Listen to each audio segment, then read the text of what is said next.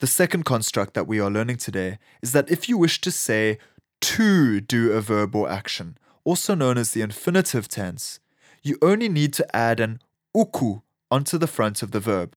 For example, like is thanda, to like, ukuthanda, try, zama, to try, ukuzama, learn, funda, to learn, ukufunda, talk, thetha, to talk, ukuthetha.